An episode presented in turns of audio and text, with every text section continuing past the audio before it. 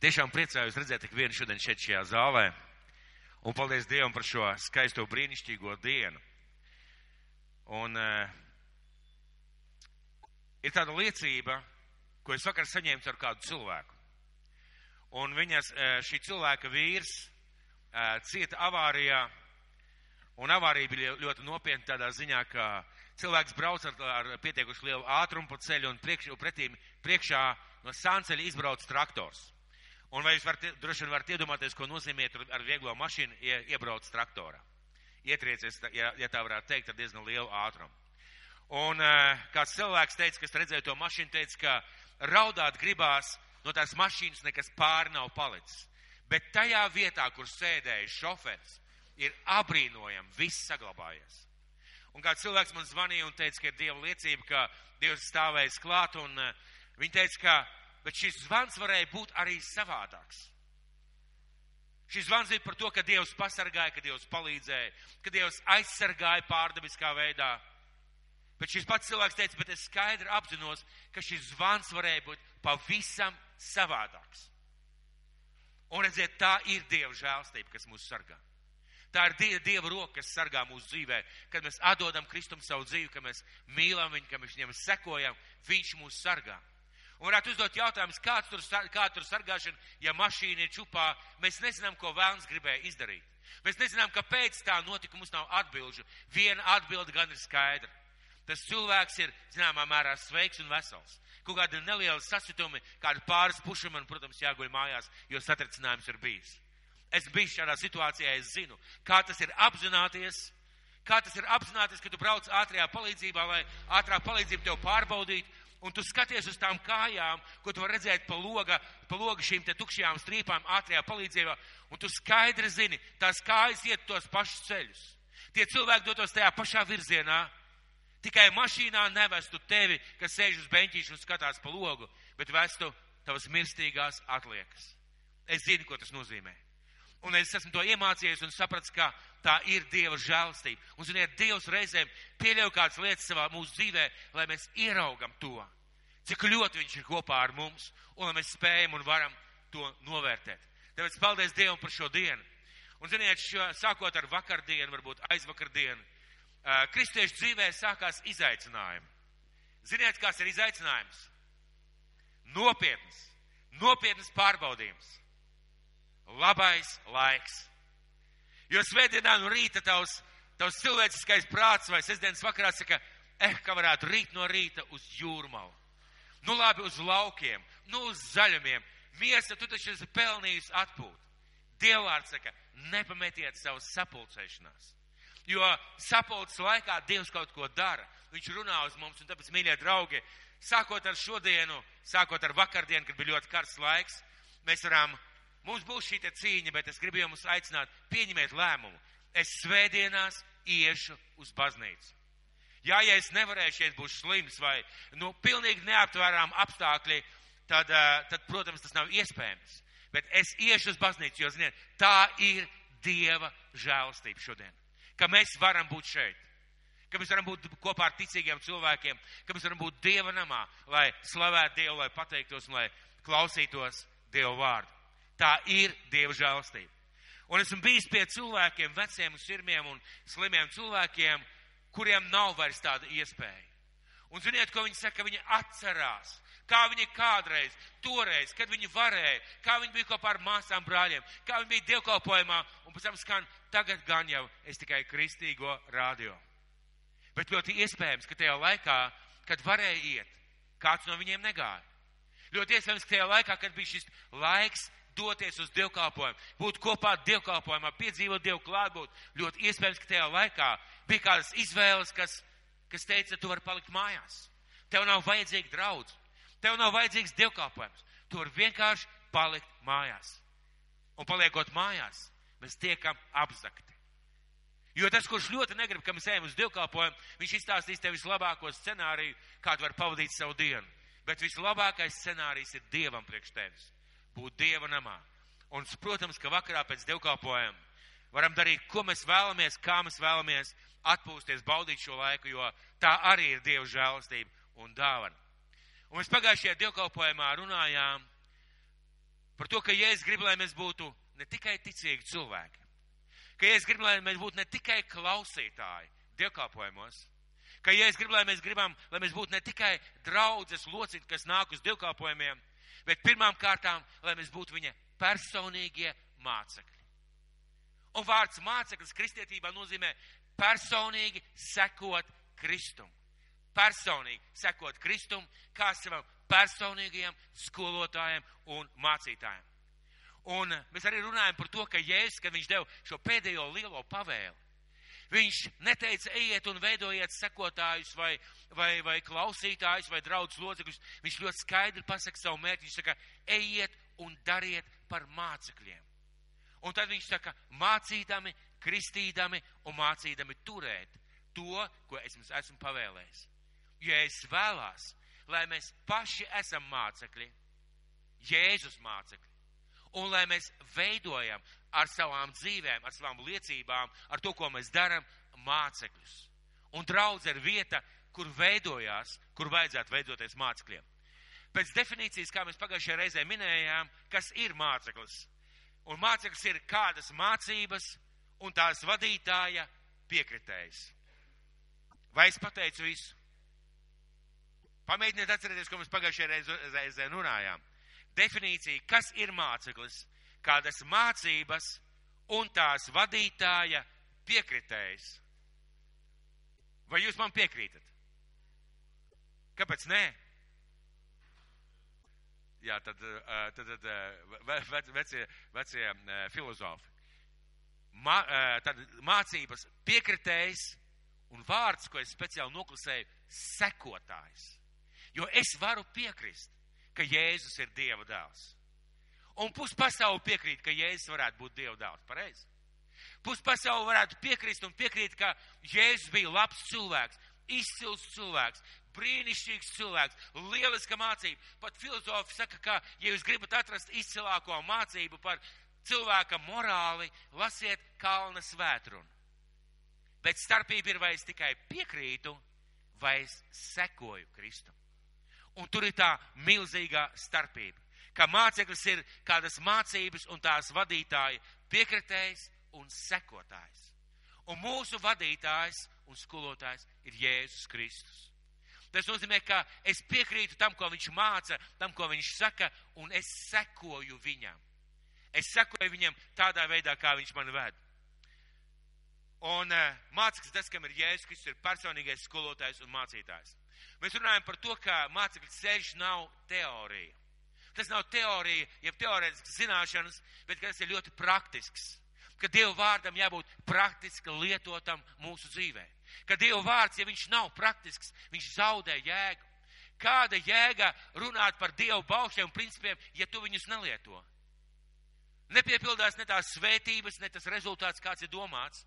Un Dieva vārds ir ārkārtīgi praktisks, un tam tā vajadzētu būt. Mēs runājam, ka māceklis cilvēks, kas ir noticējis Jēzum Kristum kā Dieva dēlam.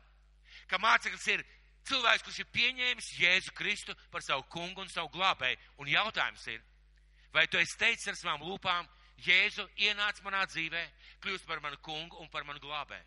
Māceklis cilvēks, kas ir pieņēmis Kristu par savu kungu un savu glābēju. Māceklis ir cilvēks, kam ir vēlme augt, kas tiecās augt, kas tiecās augt Dievā, savās dāvanās, savā aicinājumā. Māceklis ir cilvēks, kam ir vēlme un dzīšanās iet tur, kur iet viņa kungs Jēzus Kristus viņa dzīvē. Un šeit es gribētu uzlikt vienu tādu akcentu. Mēs esam runājuši daudzkārt par to. Mēs sakam, ka mums ir jāsako Kristum. Jā, un Kristus pasaules vēsturē, pasaules gaitā viņš iet kādu ceļu, uz kurien viņš ved šo pasauli. Bet, ja esmu Kristus māceklis, viņš kaut kur iet manā dzīvē. Jo, redziet, man šodien bija jāpieceļās, jāatnāk uz dievkāpojumu. Tev tas bija jādara. Tu izies ārā, tu dosies rītā darbā, un Kristus gribēs tevi kaut kur vest, kaut kādās lietās vest, kaut ko mācīt, kaut ko skolot, un lai tad es būtu sekotājs, man ir jāvēlās viņam sekot. Un kas ar savu dzīvi atnes augļus. Un man gribētos apgalvot tādu radikālu, radikālu domu, ka cilvēks, kurš nav Kristus māceklis, nevar atnest īstus un paliekošus Dieva valstības augļus. Ne savā dzīvē, ne arī apkārtējo cilvēku dzīvē. Un mēs runājam arī par to, ka Pāvils bija izcils, izcils piemērs mūsu šai māceklībai. Un, uh, ka viņš beidzot savu dzīvi, Pāvils teica, savu cīņu esmu izcīnījis, savu skrējienu esmu pabeidzis, savu ticību esmu turējis, atliek man tikai saņemt godības vainagu. Es varbūt to nelasīšu vairāk šodien, bet šodien es gribētu runāt par to, ka mums jāapzinās, ka būt par Jēzus mācekli nozīmē maksāt cenu. Būt par Jēzus mācekli nozīmē maksāt cenu. Bet arī saņemt algu, jeb atalgojumu par to, ka mēs esam Jēzus mācekļi un baudīt no tā, ko dod skolotāja klātbūtne, un baudīt no tā, ko dod sekošana viņam.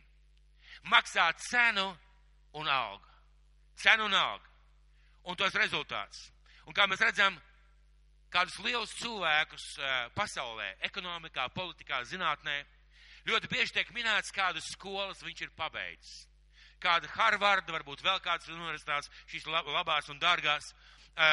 Un parasti cilvēks, kad viņš kaut kādas lietas dara, tad piemin tātad šo te viņa izglītību vai kādā vietā viņš ir mācījies. Kāpēc?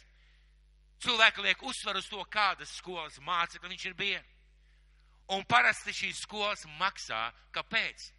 Tāpēc, ka lai cilvēki uzticētos šim cilvēkam pirmām kārtām un lai parādītu, lai cilvēki lai parādītu, ka viņš ir, lai kļūtu par to, kas viņš ir, viņš ir maksājis kaut kādu cenu.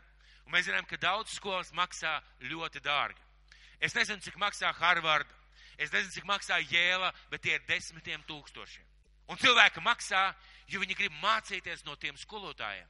Viņi grib beigt skolu vai gimnāziju vai augstskolu ar tādu diplomu, ko dod šī skola. Jo tā ir zināma garantija, ka tu esi kaut ko, kaut ko iemācījies.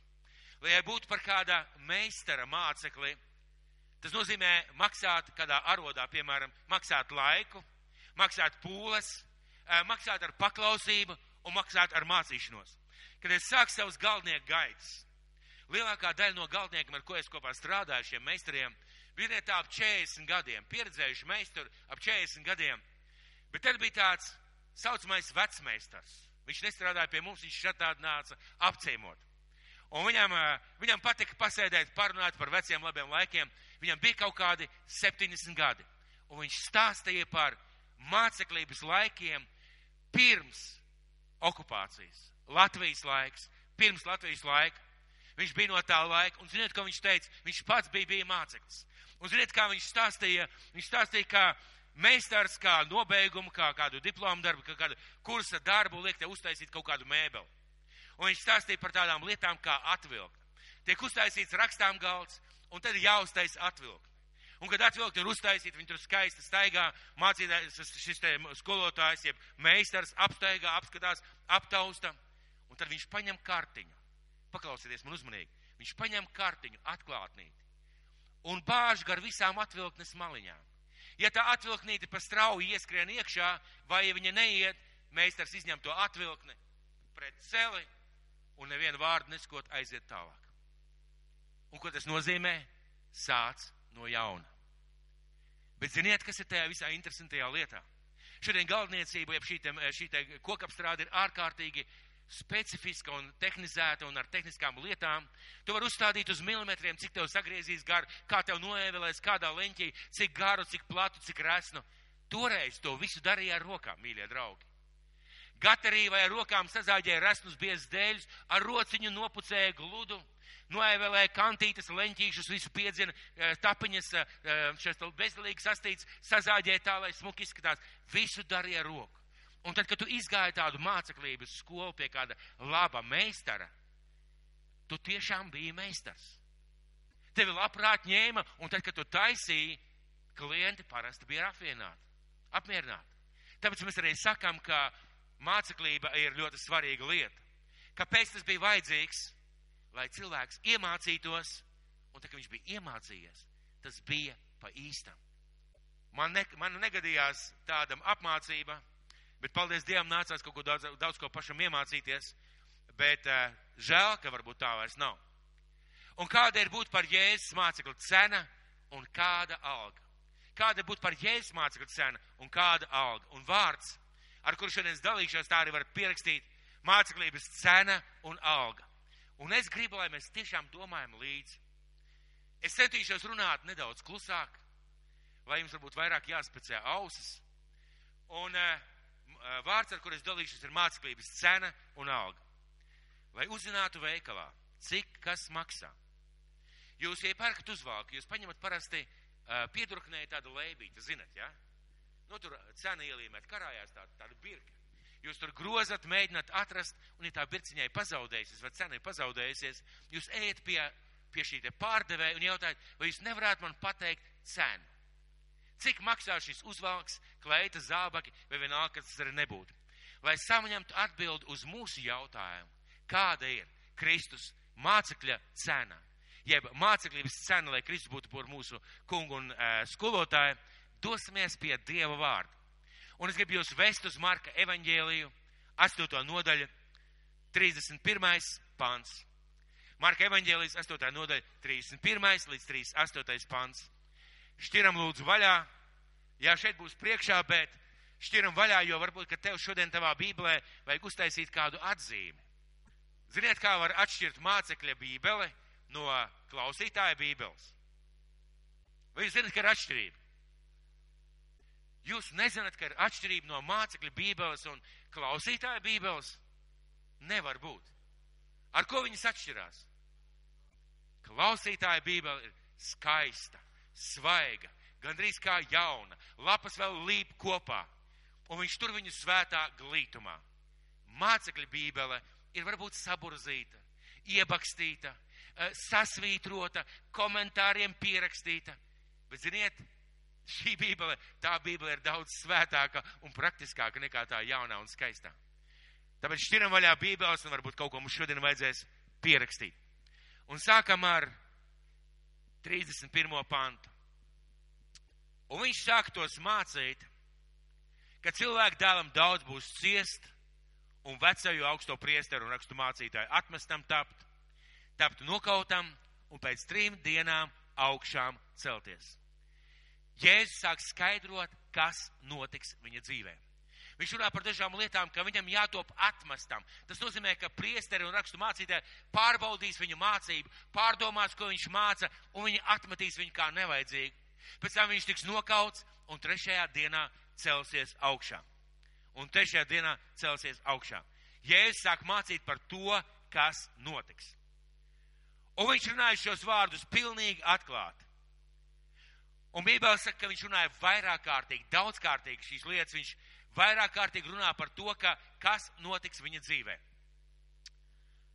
Un Pēters, viņu sauru vedis, iesāka viņu apsaukt un Pēters Saurup vedis iesāka viņu apsaukt. Un Bībele šeit mums saka, ka Saurup vedis tā kā paaicina malā un uzstājīgi noliedzoši tā, tā pamācoši sāk Jēzu apsaukt. Jēzu, lai tev tas nenotiek. Ko tu te runā muļķības par kādu nāvi, jo tu esi mesija, tu esi glābējs, tu esi Dieva svētais. Tam, tam tā nevajag notikt. Pēters cenšas Jēzum iestāstīt, ka tā nevajadzētu notikt. Bet viņš, atgriezdamies un savus mācekļus uzlūkodams, viņš atgriezamies un savus mācekļus uzlūkodams, apsauca Pēteri sacīdams, atkāpies no manis sātan, jo tu nedomā pēc dieva, bet pēc cilvēka prāta. Mēs saprotam, ka Jēzus uzlūko mācekļus, un patiesībā viņi visi tā domāja. Viņi visi tā domāja, ka Jēzum to nevajadzētu piedzīvot. Viņam nebija saprašanas, ka tas ir vienīgais ceļš, kā piepildīt Dievu prātu vai Dievu gribu, bet viņi, viņi piekrīt Pēteram. Viņi domā tieši tāpat. Pēters vienkārši ir ašāks ar savu mēli, un viņš pirmais izspļauj, un uh, mums liekas, ka viņš pirmais arī dabū, bet patiesībā šis stāsts ir par visiem šiem mācekļiem, uh, kas to klausījās. Un ko Jēzus saka? Jēzus nopietni attiecās pret Pētera vārdiem. Mēs varbūt tā palaižam garām. Uh, ko Pēters pateica, bet Jēzus nopietni attiecās pret viņu vārdiem. Un mēs saprotam, ka viņš veido vadītājus. Viņš veido apustuļus, viņš veido nākošo draudz. Un šiem nākošais draudz, nākošais draudz vadītājiem viņš gribēja pamatīgu, nopietnu pamatu. Kā skatīties uz lietām, kā vērtēt lietas. Un lūk, ko viņš saka, atkāpies no manis sātana. Šajā mirklī viņš vēršās pie sātana, jo aiz Pētera vārdiem stāv ļaunais. Un acīm redzot, Pēteri ir iespējams ietekmēt, un, Pē, un Pēters saka vārdus, lai tev tā nenotiek. Un šajā mirklī Jēzus saka, uz sātanu, sātanu atkāpies. Un tad viņš pagriežās, kā varētu teikt, pret Pēteri, vēršās pie Pētera un saka ļoti, ļoti tieši, ļoti tieši vārdus. Ļoti tieši vārdus. Jo tu nedomā pēc Dieva, bet pēc cilvēku prāta. Ko, pēt, ko Jēzus šeit pasaka? Ir Dieva griba un ir cilvēka griba. Un šīs gribas nav vienādas.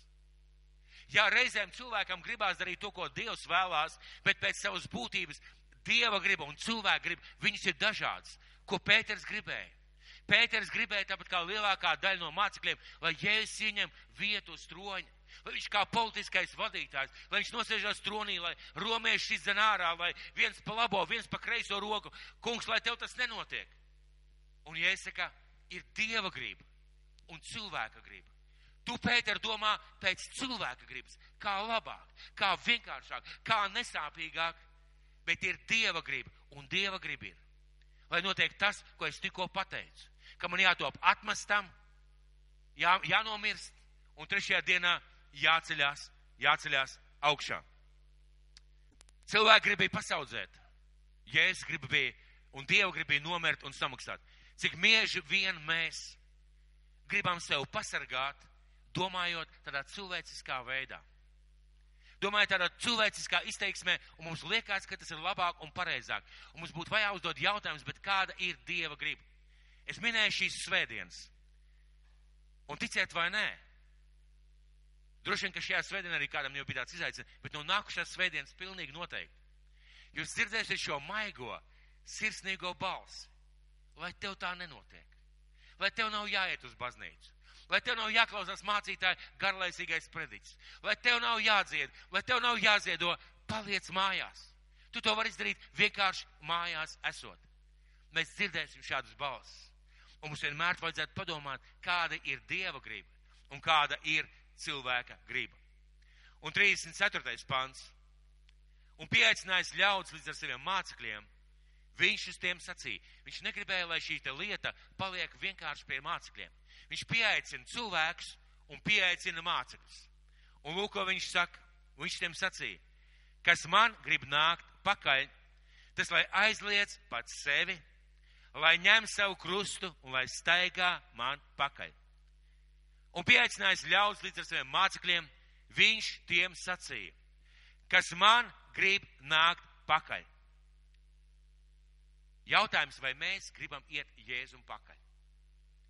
vai mēs gribam viņam sekot. Un, ja es konkrēti vēršos, un kā būtu, ja šodien dievkalpojumā svētais gars tev pajautātu, piemēram, Žanis Bērziņš, nē, bet Oskars Vītols. Oskar Vītol, tu gribi man sekot pakaļ. Es domāju, ka jebkurš kristietis teikt, jā, kungs, es gribu tev sekot pakaļ. Un jautājums ir, vai mēs gribam Jēzum sekot pakaļ. Un tad ir tāda interesanta lieta, kas grib sekot pakaļ, tas tātad personīgi.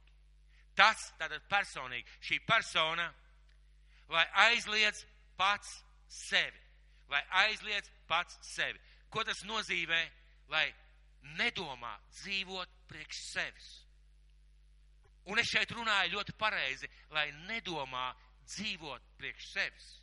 Lai viņa mērķis nav dzīvot priekš sevis. Un parasti mēs sakam, dzīvot priekš sevis nozīmē dzīvot grēkā, alkoholā, izlaidībā, vēl kādās lietās. Jā, protams, tas arī, bet tas ir grēks. Bet ja viņš saka ne par grēku, viņš saka, lai, lai, lai nedomā dzīvot priekš sevis. Uh, lai nedomā izvēlēties savu likteni. Lai nedomā izvēlēties savus mērķus, savus ceļus. Vai no visa vajadzētu attekties cilvēkam, kurš grib ticēt Dievam un sekot Kristum? Protams, ka nē. Ir tik daudz lietas, ko Dievs vēlās mūsu dzīvē. Vai Dievs vēlās, lai tev dzīve ir svētīta? Dievs vēlās. Dievs vēlās, lai tev ir laba ģimene. Dievs vēlās.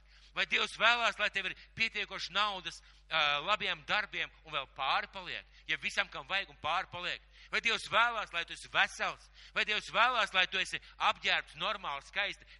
Dievs vēlās. Bet tas, ko Jēzus pasaka, jums ir jādomā tā, ka jums ir jāatstāj vēlēšanās dzīvot priekš sevis. Jums jāatstāj vēlēšanās dzīvot priekš sevis. Dievu grib ir, lai mēs būtu svētīti, bet Dievu grib ir, lai mēs nevēlētos dzīvot priekš sevis. Cilvēki bieži vien izvēlās dzīvot priekš sevis, kristieši, un tad sūkstās. Es nesen runāju ar kādu cilvēku. Un eh, man tā liekas, ka šim cilvēkam kaut kā dzīvē ir bijusi izvēle dzīvot priekš sevis vai dzīvot priekš Dievu. Un ziniet, kā tagad ir tāds bēdīgs stāsts. Vīrs ir alkoholiķis un baznīca neiet jau 40 gadus. Dēls dzer,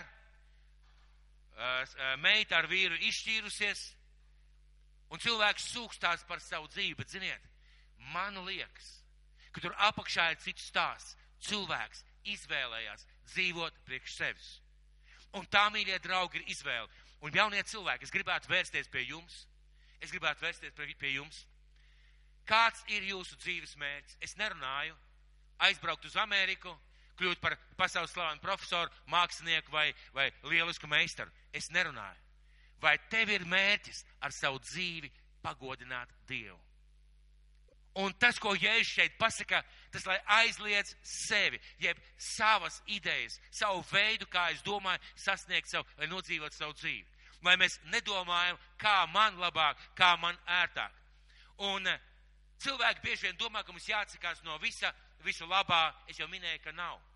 Un otra lieta, cilvēki baidās, ka viņi kaut ko pazaudēs, kad viņi atteiksies no savas dzīves, ja tā varētu teikt. Ziniet, es runāju ar kādu mācītāju divas dienas atpakaļ. Viņiem ir tāda kristīgās padomdošanas kalpošana kuldīgā, un e, viņiem ir tāda telts, kur viņi lūdz par cilvēkiem, un ir divi puiši, kas staigā un runā pārsvarā ar, ar bezpajumtniekiem, dzērājiem, ierēbušiem cilvēkiem. Un viņi runā ar šiem cilvēkiem, aicina viņus šo telti un runā par Dievu, runā par draudzi. Un kā šī mācītāja teica, Jūs nespējat iedomāties, cik šie cilvēki ir aizņemti. Viņi neko nedara, bet viņi ir ārkārtīgi aizņemti. Viņiem tur ir savas darīšanas, viņu tur draugs gaida, viņam jādodas uz turieni, un viņam nav laika. Un patiesībā padomāsim paši, ko grib sev paturēt cilvēks, kurš lieto alkoholu. Viņš jau gatavs atteikties no savas dzīves, viņš lieto alkoholu. Ko viņš grib paturēt? Viņš grib paturēt lāstu. Viņš grib paturēt reālu lāstu, kas jau ir izpostīts un izpost viņa dzīvi. Ja cilvēks neatsakās no dzīves un viņam ir depresija, ko viņš grib paturēt? Depresiju. Ja cilvēka dzīvē nav mērķis, tad ko tu gribi savā dzīvē paturēt? Bezmērķīgu dzīvi. Bezmērķīgu dzīvi, un ziniet, lielākā nelaime, kas ir kristīgajā pasaulē, es to teicu, un es, no, es to arī teikšu. Cilvēkiem ir bezmērķīga dzīve. Viņi nekur neiet. Viņi saka, ka viņi kalpo Kristum, ka viņi seko Kristum, bet dzīve liecina, ka šis cilvēks nekur neiet. Un runa nav par apsūdzību. Runa ir par to, ka jāsaka, jums ir jāatsakās no tā veida, kā jūs domājat par savu dzīvi. Kā jūs domājat par savu dzīvi? Mēs skatāmies šobrīd 34. pantu. Tas, lai aizliedz pats sevi, lai ņem savu krustu. Kas ir mūsu krusts? Kas ir mūsu krusts? Katram savs. Un šeit, kad Jēzus runāja ar viņiem par šo, par šo lietu, viņi zināja, ko nozīmē paņemt krustu un sekot. Viņi bija piedzīvojuši, pieredzējuši, viņi dzīvoja kultūrā, kad daudzus noziedzniekus pienagloja pie krusta, un viņi zināja, ko nozīmē, ka šim te noziedzniekam parasti lika nest pašam savu krustu kā padevības un pakļāvības zīmi. Un kad Jēzus saka, lai paņem savu krustu, viņš runā par šo paklausību un padevību Dievam. Bet kas ir šis krusts, ko viņš domāja? Paņemt savas sekošanas Dievam nastu. Paņemt tās grūtības, kas nāk no tavas sekošanas tavā dzīvē. Paņemt varbūt tās ciešanas, ko tev nāksies piedzīvot, kad tu seko Dievam. Paņemt varbūt to apsmieklu, izsmieklu no draugiem, radiem, paziņām, kad tu teiksi, ka tu esi kristietis atteikties no kaut kādām lietām, kas tev varētu būt par labu. Ziedot, ziedoties, ieguldīties, lai sekotu Kristum.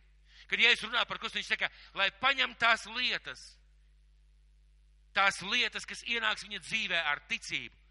Un nākošā lieta - nevis lai stāvētu, nevis lai dzīvotu uz vietas, bet lai man sekot tur, kur es viņa dzīvē eju. Un ziniet, kas man ļoti pārsteidz, ārkārtīgi iepriecina un ārkārtīgi sajūsmina. Dievs vienmēr virzās mūsu dzīvē uz labo. Viņš vienmēr virzās mūsu dzīvē uz svētīgām, uz labām, uz brīnišķīgām lietām. Un kad cilvēks saka, man, es ticu, ka Dievs ir, bet man tā kā priekš viņa nav laika, vai iekšēji baidās atdot Dievam savu dzīvi, cilvēks patur visu to bagāžu, visu to bagāžu, kas viņam jau ir un kas nāks vēl klāt, jo viņš turpinās dzīvi bez Dieva. Un tā, mīļie draugi, ir traģēdija. Kad Jēzus runā par šo krustu paņemšanu, sakiet, vai var paņemt kaut ko pilnās rokās? Kāpēc Jēzus saka, lai atsakās no sevis un lai paņem savu krustu? Ja šeit zīmē tādu kā metaforu, vai jums kādreiz ir gadījies dzīvo, dzīvē tā, ka jūs kaut ko no mašīnas vai kaut ko mājās pārnāsājat un jums ir pilnas rokas ar kaut ko? Un kāds pasaka, paņem vēl šito un jūs nevarat. Es šodien ne, nenolēmu nerādīt garīgu līdzību. Bet ziniet, kāda man bija doma? Paņem divus papīra, divus rimī maisiņus vai maksimas maisiņus. Maksiņi, laikam, ir populārāk. Piestūķēt pilnus ar papīriem vai ar kādām lietām un stāvēt šeit un skatos un teikt, ziniet, es esmu Kristus sekotājs, bet man rokas ir pilnas ar visu kaut ko, es to krustu īsti nevaru paņemt. Un mēs savā dzīvē tā darām. Mums ir idejas ar savām domām, savām idejām, ko mēs darīsim, kā mēs darīsim, un mēs nevaram paņemt šo krustu, jo mūsu rokas jau ir pilnas ar kaut kādām lietām. Es vienmēr esmu teicis un teicu. Cilvēks var strādāt jebkurā profesijā. Viņš var būt mākslinieks, viņš var būt sētnieks, viņš var būt zinātnieks, viņš var būt politiķis. Jautājums ir, vai es esmu izvēlējies ar savu dzīvi pagodināt Dievu? Vai esmu atstājis savu ideju par savu dzīvi, ko es gribu darīt savā dzīvē, tur aiz muguras, un vai es, es izvēlējies pagodināt dzīvi, Dievu ar savu dzīvi. Un to mēs varam izdarīt ar jebkuru profesiju, jebkurā vietā, ar jebkuru aicinājumu. Un nav iespējams, ja es šeit skaidri pasaku, nav iespējams sekot tukšām rokām. Un te mēs nonākam pie tādas skaistas strīpas. Un tā strīpa ir tāda. Es labprāt sekotu, bet lai es sekotu, man vajag kaut ko atstāt. Nu labi, es kaut ko atstāju. Bet tad, ja es saku, bet tu nevari sekot man ar tukšām rokām. Ja tavā dzīvē nav tā, ne jau ciešana, bet ja tavā dzīvē nav šīs te sekošanas cenas, ja tu neizvēlies maksāt cenu, neizvēlies iet cauri lietām, ko tev maksā tava sekošana Kristum, ja tu neizvēlies savu aicinājumu, savu dāvanu, tad, mīļie draugi, tu nevari sekot Kristum. Mēs esam pieredzējuši simtiem un dažādus piemērus no kristīgas dzīves dažādās jomās. Un mēs varam ieraudzīt, ka tie cilvēki, kas kaut ko dara, vienmēr saskarās ar grūtībām. Vienmēr saskarās ar izaicinājumiem, vienmēr saskarās ar lietām, ko viņam vajag maksāt. Piemēram, vakar mums bija talka, un es esmu tiešām ļoti, ļoti pateicīgs visiem māsām un brāļiem, kas bija šeit talkā. Ļoti pateicīgs tiem, kas strādāja, kas palika līdz beigām. Mēs nobeidzām, viss bija brīnišķīgi, bija lieliski redzēt gan jaunus, gan vecus cilvēkus. Un man bija jautājums. Draudzēm esam 80 cilvēki, 10 nevar atnākt uz draudzi, jo, jo tāpēc, ka ir vecumā, tiešām vecumā un jau uz gultas. Bet kādi 60? Kāpēc mēs nebijām kādi 60? Vai tā, ka notiek katru dienu? Jā, kāds cilvēks strādāja, kādam bija darbs, kādam ir mazi bērni, es visu to saprotu. Bet es šodien rīta sēdēju un domāju, kur Jēzus būtu talkas dienā. Bet, ziniet, lai atnāktu uz talku, man vajadzēja sadzirdējušam vismaz mēnesi iepriekš mēs teicām par talku. Vajadzēja būt sadzirdējušam un saplānojušam tā, ka tajā dienā es atsakos no kaut kā, ko es varētu darīt. Es saplānoju tā, ka es kaut ko nedaru, lai es varētu būt kopā ar draudz, sakopt šo namu. Jo šis Dieva nams, kas ir uzticēts mums. Respektīvi, tā ir tā cena, ko mēs maksājam. Un nav iespējams sekot ar tukšām rokām bez krusta. Un, ziniet, šeit atkal runa neiet par to, ka mēs meklējam apzināti kādas ciešanas. Es biju uh, savā laikā uh, Kijevā, un tur tāda Kievskaja laura.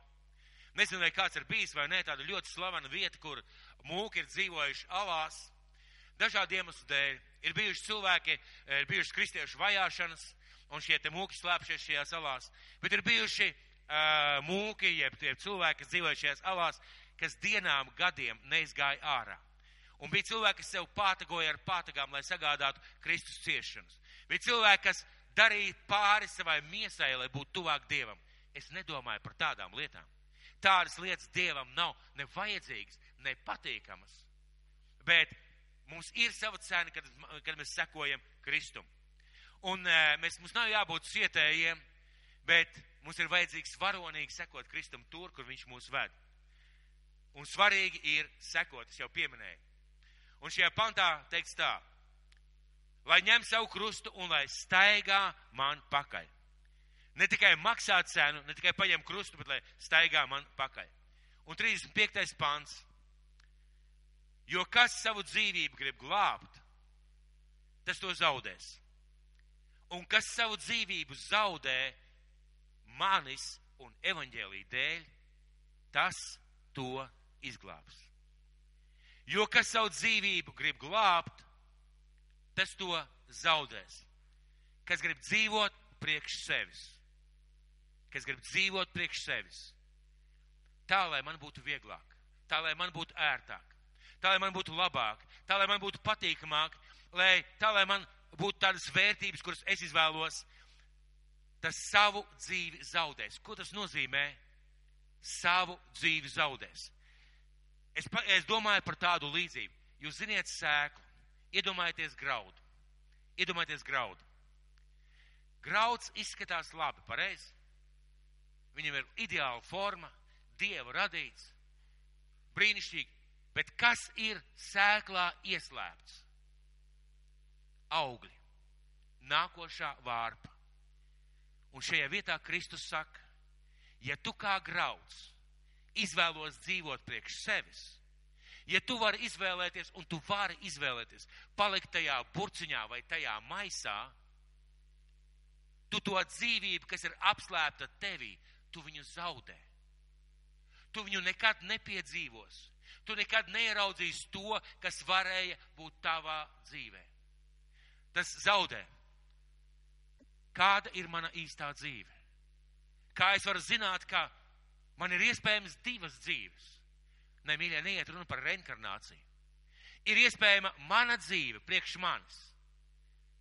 Un ir iespējama mana dzīve Dievā. Un tas ir interesants fakts, ka vienlaicīgi garīgajā pasaulē pastāv tā kā divas pasaules. Viena pasaule ir tā, kurā es varu dzīvot un es varu palikt tajā dzīvot un otra pasaule ir tā, ja otra mana dzīve ir tā, kas es esmu Dievā. Un es aicināšu jūs uz kolosiešu vēstuli, trešo nodaļu, trešo pantu. Trešā nodaļa, trešais pants. Sāksim ar pirmo. Ja nu jūs ar Kristu esat augšām cēlušies, tad tiesieties pēc tā, kas ir augšā, kur ir Kristus, kas paaugstināts pie Dieva labās rokas. Savas domas vērsiet uz augšu, ne uz zemes lietām jo jūs esat miruši un jūsu dzīve līdz ar Kristu apslēpta Dievā. Ziniet, ko man tas pasaka? Un tas perfekti sakrīt ar Bībeli. Ka tava īstā dzīve, tā dzīve, kurai tu esi aicināts, tā dzīve, ko Dievs kopš pasaules radīšanas tev ir ieplānojis, viņa ir Kristu. Viņa ir apslēpta Dievā, un tu vari iemantot šo dzīvi tikai tad, kad tu savu dzīvi atstāji. Kad tu pārkāp no savas dzīves tajā robu, pārtai robežai, kur ir Dieva dzīve priekš tevis. Kā es to varētu demonstrēt? Un katru reizi, kad mēs izvēlamies savā dzīvē darīt kaut ko, ko man gribās, un es nerunāju par grēku, es runāju kaut ko, kas nesakrīt ar Dievu gribu, es it kā esmu dzīvs Ziniet, ja es vakar nebūtu bijis talkā, ticiet man, es šodien būtu dzīvs. Es izskatos tieši tāds pats kā šodien. Es būtu dzīvs. Un it kā nekas nebūtu mainījies. Tikai ziniet, ko es būtu palaidis garām. Es būtu palaidis garām satikšanos ar jums. Es būtu palaidis garām to mirkli, kad māsa gaida šeit, mazgāja grīdu savos 80 gados. Es būtu palaidis garām to mirkli, kad ārtas grieza tepiķa koridorī, lai mēs visi varētu skaisti ienākt. Es būtu palaidis garām to mirkli, kā, mirkli, kā mā, māsas tīrī un mazgāju šeit baznīcu. Es būtu palaidis garām to mirkli, kad es skatījos, kā Andrejs stāvēja uz slīpas palodas 40 cm un mazgāja logus. Un es būtu palaidis garām to, ko es izdarīju. Un redziet, vakar man bija izvēle. Un patiesībā katru dienu mums ir izvēle dzīvot savu dzīvi. Vai to dzīvi, kas ir apslēpta Dievam. Ziniet, lai labāk demonstrētu šo lietu, mēs dzīvojam savu dzīvi, zaudējot, zaudējot to dzīvi, dzīvi ko Dievs paredzējis. Un, ziniet, es gribētu parunāt, kād, pateikt kādus piemērus. Vai kāds ir kāds, kādreiz kāpis kādā kalnā? Esat kādi kāpuši cilvēku kalnā, jā? Ja? Tādā nu, diezgan stāvā un grūtā kalnā. Ir gadījies, jā? Ja? Ir gadījies kā pareizi. Ko saka tava miesa pa ceļam? Jāni, tev to nevajag. Nē, nu tas nav to vērts. Tev jau tāpat sāp kājas. Kāps lejā būs vēl trakāk. Bet tad, kad tu turpini kāpt, tu skāp kalnā un tu kaut ko redzi.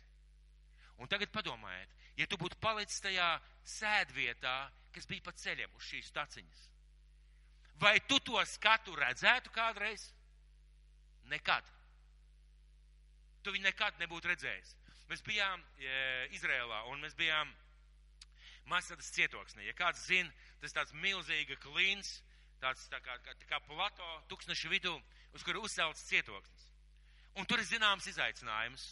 Mēs varam uzbraukt augšā ar, ar, ar, ar to funikulieri, ar tādu vagoniņu uzbraukt augšā un var braukt arī lejā. Un tad, kad mēs bijām uzbraukuši augšā, iztaigājuši, kādam no brāļiem radās ideja, uh, nokāpsim ar kājām zemē. Bet, ziniet, no apakšas skatoties, tā nav vairs 12 stāvu māja. Tur ir krietni vairāk. Es nepateikšu tagad tos metrus. Un tā taciņa ir šāda te kalnā. Paldies Dievam, mēs nekāpām kalnā. Mēs uzbraucām. Un tad mēs stāvējām kādu brāli, ak, ka varētu nokāpt lejā. Nu, varbūt, ka tomēr, nu, varbūt kāpjam lejā. Un ziniet, ko es tajā mirklī domāju? Es domāju tā, kas notiks Jāni? Ja tev pēkšņi sāksies sirds klauvis tur pa vidu. Jo tas ir nopietni. Mēs stāvējām, un kādi cilvēki izvēlējās, nē, nē, nē, viņi neies arī no brāļiem. Un tad bija kādi, varbūt 10, 15 jauni cilvēki, bīskaps un es. Un es nolēmu, es kāpu. Un mēs sākām iet, un tas, tā, tā, no, tā iešana uz leju ir tik strauja, ka vieglāk ir skriet. Mēs noskrējām līdz lejai. Divas reizes apstājāmies.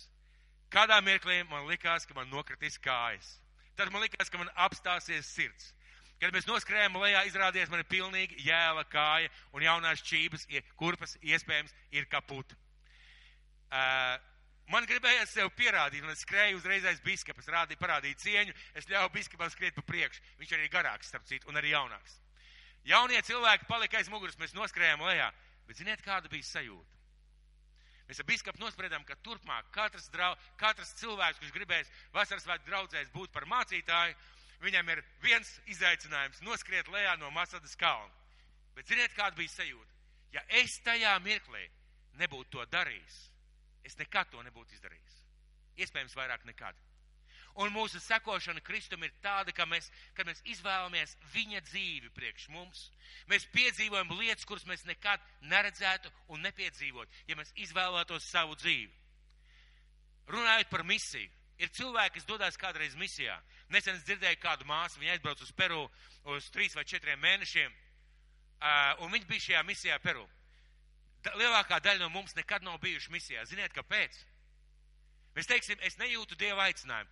Āmen, varbūt mēs nejūtam Dieva aicinājumu. Bet ziniet, kāpēc? Ir jāatliek laiks, ir jāsakrāja nauda, ir jāuzdrošinās un tad ir jābrauc. Bet tu vari būt, piedzīvot misijas garšu, atmosfēru, notikumus tikai tad, kad tu esi aizbraucis. Un tas ir tas, tēlēni sakot, tā ir dzīve Dievā, bet tu vari palikt mierīgi mājās un sēdēt jūrmalā. Mēs nekad nepiedzīvojam tās lietas, ko dod mums uzvar ar Dievu vārdu, ja mēs nepaklausam Dievu vārdam. Piemēram, par desmito tiesu, par ziedošanu vai par kādām lietām. Mums dzīvē visiem ir gadījies, ka mums esam cīnījušies ar sevi par kādu lietu, par kādu lietu Dievā. par kādu Dievu vārdu piepildīšanu un paklausību. Mēs esam cīnījušies un tajā mirklī, vai tajā reizē, kad mēs esam uzvarējuši. Un kad Dievs kaut ko dara caur to vārdu vai piepilda caur to vārdu, mēs ieraugām, cik tas ir fantastiski redzēt, kā Dievs darbojas. Mēs plānojam jūnijā, jūlijā un augustā ārā kafejnīcu, evanģelizācijas ārā kafejnīcu. Es pagājušajā jau teicu, un šodien mēs minē, minēsim, Kristaps vēlreiz pieminēs. Un ziniet, ko es jums pateikšu? Atkal es šodien no rīta sēdēju, gatavojos un domāju. Cilvēks, kurš nepiedalīsies ārā kafejnīcā, veidot šo kafejnīcu, viņš nekad nepiedzīvos, ko nozīmē izveidot tādu projektu. Viņš nodzīvos savu dzīvi. Viņam būs brīvs viens vakars vai varbūt pāris vakari. Viņam būs lieliski iespēja atnākt uz draudzes kafejnīcu un pavadīt laiku kristīgā atmosfērā ar mūziku, evanģelizāciju, eh, kafej, kafijām un tam līdzīgām lietām. Bet tu tur nebija. Tu to neizdarīji. Tā sēkla, ko, tu, ko tev vajadzēja atnest, nomirstot priekš sevis, tā palika neizdīgusi. Lai Dievs mums palīdz tādā veidā nedarīt. Viņš mūs radīs, viņš zina vislabāk, kas ir priekš mums. Un ik viena no mūsu dzīvēm, ik viena cilvēka, šeit sēž šajā zālē, īstā dzīve ir apslēpta Dievā. Pie Viņa. Bet mēs to varam piedzīvot tikai tad, kad mēs atsakamies no saviem, saviem plāniem, noliekam savas domas, kā mēs gribam nodzīvot savu dzīvi, kad mēs paņemam to krustu un kad mēs sekojam. Un tā ir īstā dzīve. Lasīsim tālāk. Kas savu dzīvību zaudē? Kas savu dzīvību zaudē? Atgriežamies pie Marka evaņģēlija. Kas savu dzīvību grib glābt, tas to zaudēs. Un kas savu dzīvību zaudē manis un evaņģēlī dēļ, tas to izglābs. Ko tas nozīmē? Tas nozīmē, ka tu zaudē it kā savu dzīvi, bet tu iegūsti Kristus dzīvi, jeb dzīvi viņā. Tu it kā veids apmaiņu, zaudējot savu dzīvi, tu iegūsti dzīvi viņā. Tas nozīmē, ka tā dzīve, kas ir ar Kristu un Kristu, ir daudz labāka, daudz dziļāka, daudz vērtīgāka nekā tas, ko mēs vien varam iedomāties. Kādēļ mēs to zaudējam? Jēzus un evaņģēlī dēļ. Svarīgi ir ieraudzīt, nevis vienkārši mēs zaudējam, nevis vienkārši mēs atstājam, bet Jēzus un evaņģēlī dēļ. Sakiet man lūdzu, cik muļķīgi izklausās vārdi. Ziniet, man ir cauras zeķes Jēzus dēļ. Man ir cauri zobi Jēzus dēļ. Es staigāju noplīsis normālā laikā, kā šodien, Jēzus dēļ. Es esmu dusmīgs Jēzus dēļ. Izklausās diezgan muļķīgi, pareizi. Un viņš šeit saka evaņģēlī un manis dēļ, Jo var jau izdomāt, pašdo, paš, pašizdomāt kāpošanu, kā tie cilvēki, kas šaustīja sevi ar pātagām. Kāpēc viņi to darīja, es nespēju iedomāties, tikai spēju nojaust. Bet jē, evaņģēlī un Jēzus dēļ. Un cilvēku dēļ, kas tev eh, ir aic, kam tu esi aicināts kalpot. Tas tiks izglābts. Tas iegūst kaut ko no cita, ko citādi nevar iegūt. Viņš izbaudīs, viņš uh, iegūs, viņš piedzīvos tikai to, tikai tās lietas, ko var iemantot kopā ar Kristu. Un tas ir tas svarīgais. Iegūt savu īsto dzīvi, savu īsto identitāti. Ziniet, kad grauds iegūst savu īsto dzīvi. Nevis tad, kad viņš vienkārši ir novākts, vai tad, kad viņš ir maisā, vai kad viņš ir sējam saujā, bet kad viņš ir iesēdz zemē, kad viņš nomirst, tā, tā, tā vārpa, kas izaug, Tā ir grauda dzīve. Kad mēs nomirstam priekš sevi, maksājot cenu, sekojam Kristum, mēs iegūstam tādu dzīvi, ko mēs savādāk nevaram iegūt. Un es jau minēju, izrādās, ka paralēli pastāv divas pasaules, jeb divas manas dzīves. Viena ir Dievā, kas ir viņa ieplānota un paredzēta, un otra ir mana. Ja es, piemēram, ja es, piemēram neatdodu savu dzīvi Kristum, Es viņam nenoticu, nenožēloju grēkus, nepieņemu viņu par, kā, kā, par savu kungu, kā savu glābēju. Es taču nodzīvošu, pareizi. Iespējams, pat veiksmīgi nodzīvošu. Iespējams, pat labi nodzīvošu. Bet, zin, Dievs ir paredzējis mūžību priekš tevis. Un tajā mirklī, kad tu būsi nodzīvējis savu skaisto, labklājības, pilno, vērtīgo, interesanto dzīvi, tu nonāksi pie robežas, kas ir tā kā, tā kā strīpa starp šo pasauli un mūžību, starp 80 gadiem un mūžību.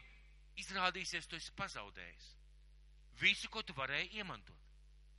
Kad mēs, kristieši, ticot Dievam, pieņemši jēzus par savu kungu, izvēlamies dzīvot priekš sevis Mēs nodzīvojam savu dzīvi, kuļamies ar kādām lietām, un parasti ir tā, ka mūsu dzīve ir visādas problēmas, jo mēs dzīvojam priekš sevis. Un tad mēs nonākam pie mūžības vārdiem, un Bībele saka, ka tu nostājies pie šiem vārdiem ar tukšām rokām. Izrādās savu īsto dzīvi, kas ir domāta ar augļiem un bagāta, tur mēs neesi dzīvojis. Tu esi dzīvojis priekš sevis. Tu esi dzīvojis priekš sevis. Vai ir slikti dzīvot priekš sevis? Izrādās tas ir muļķīgi. Jo, ja es skaidrs saku, kas iemantos, ja paglabās savu dzīvi sev, viņš to zaudēs. Kas pazaudēs, izrādās iemantos. Ziniet, mums latviešiem ir tāds lielisks klasiķis Rainis. Un es domāju, ka lielākā daļa atcerēsies šo te Raiņa teicienu. Gūt var ņemot, gūt var dodot, dodot gūtais neatņemams. Viņam ir taisnība. Visdrīzāk, ka viņš to paņēma kaut kur no Bībeles. Jo tas nav ar loģisku, ar prātu saprotams. Tas nav it kā no šīs pasaules, ka tu atsakies no kaut kā, tu iegūsi. Nē, parasti tu zaudē. Bet Dieva valstībā strādā citi principi. Dieva valstībā, kad tu atdod evaņģēlija un Kristus dēļ, tu izrādās iegūsti.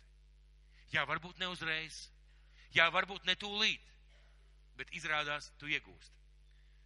Un tas mums ir, ir iemesls padomāt. Un izrādās, ka nevar dzīvot abās pasaulēs.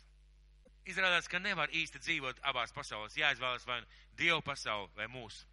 Bet ziniet, kad es domāju, kas ir lielākā balva cilvēkam šeit uz zemes? Kā jūs domājat? Vai Dieva svētības? Nu, droši, Dieva svētības, Dieva klātbūtne, Dieva palīdzība. Tā ir balva, tā ir milzīga svētība, tas ir Dieva klātbūtne, vispārējais.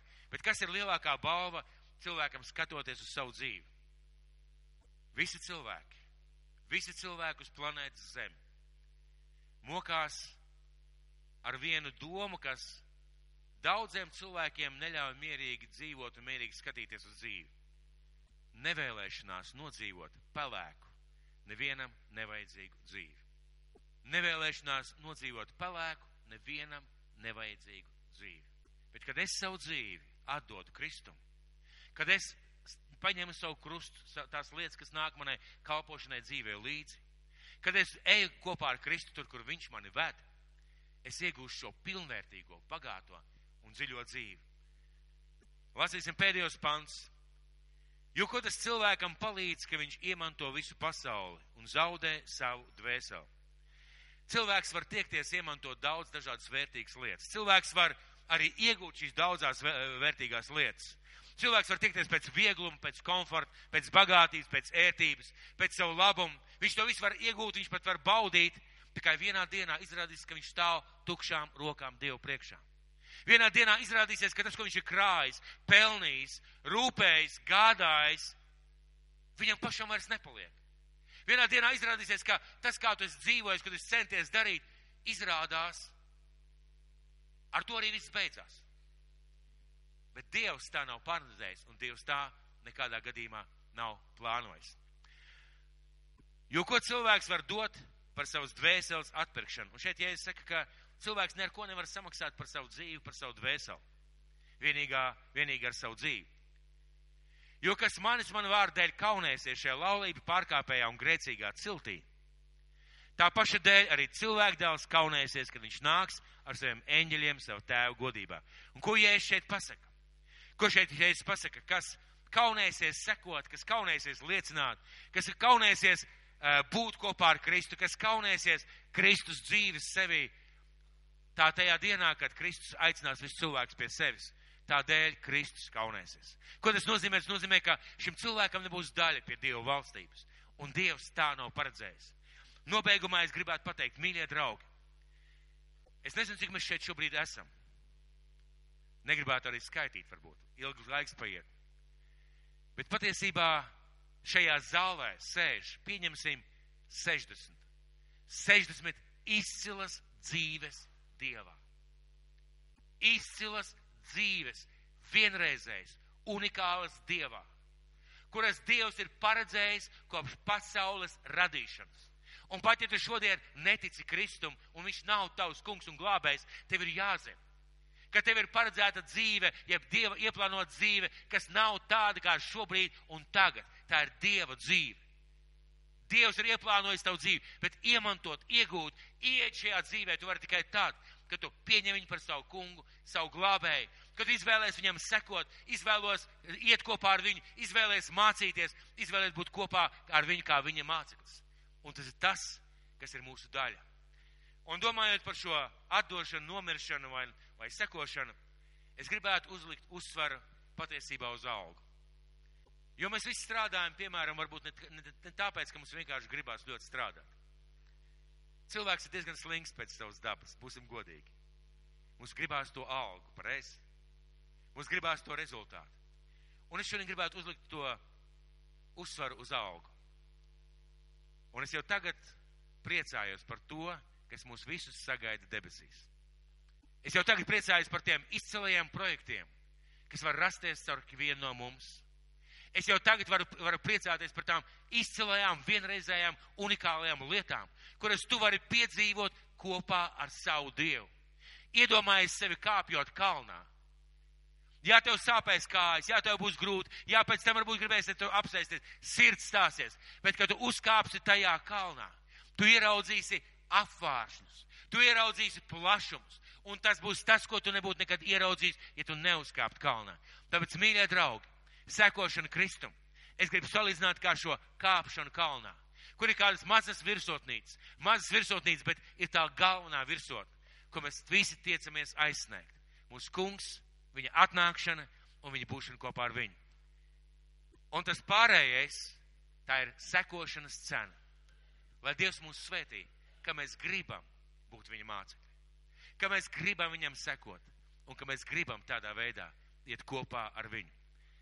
Un tas, ko es gribētu, lai tu atceries, tas, ko tu gribētu, lai tu, at, lai, lai tu atceries, no viss tā, ko es runāju, nevis man piedzīvojumu uz kalnu, bet iedomājies sevi šajās, kad tu stāv pa vidu starp šīm divām dzīvēm. Viena ir tava dzīve, kur tu vari nodzīvot, kas patiesībā ne pie kā īpaši labi tev nenovedīs. Un otra ir Dieva dzīve, kas tev ir paredzēta. Tu stāv pa vidu un tev ir izvēle. Dzīvot to, kas ir tava, vai atdot savu un iegūt to, kas ir Dieva.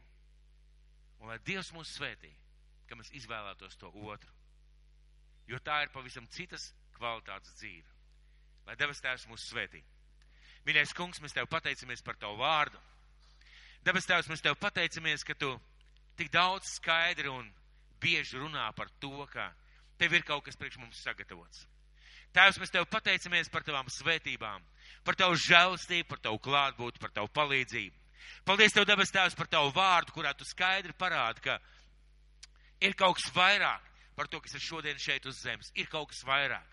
Un mīļais Kristu, palīdz, kungs, tiekties pēc tā. Palīdz, debes Tēvs, redzēt savos sapņos to dzīvi, ko Tu esi mums paredzējis Palīdz, mīļais kungs, mums arī darīt visu iespējamo, lai mēs dzīvotu tajā dzīvē, lai mēs staigātu tajā dzīvē, lai mēs tajā staigātu kopā ar tevi. Svētais gars. Tu redzi, ka vien šajā zālē. Mīļais kungs, tu zini, kas ir tas, kas mūs kāpina, kas mūs cenšas atstāt uz vietas. Tu dabas tēvs redz tās lietas, kas ir mūsu dzīvē, mūsu pieķērušās, kuras mūs velk uz atpakaļ. Mīļais kungs, palīdz mums ieraudzīt ka tavas lietas ir vērtīgākas, tava dzīve ir labāka, tava dzīve ir svētītāka, tava dzīve ir bagātāka, mīļais kungs. Un palīdz Dievs mums nepalikt pie šīs silas, bet iemantot ķēniņa troni. Es tev lūdzu, mans kungs, lai tavs svētais gars, lai tavs svētais gars caur šo vārdu uzrunā mūsu ikvienu. Jēzus Kristus vārdā. Amen.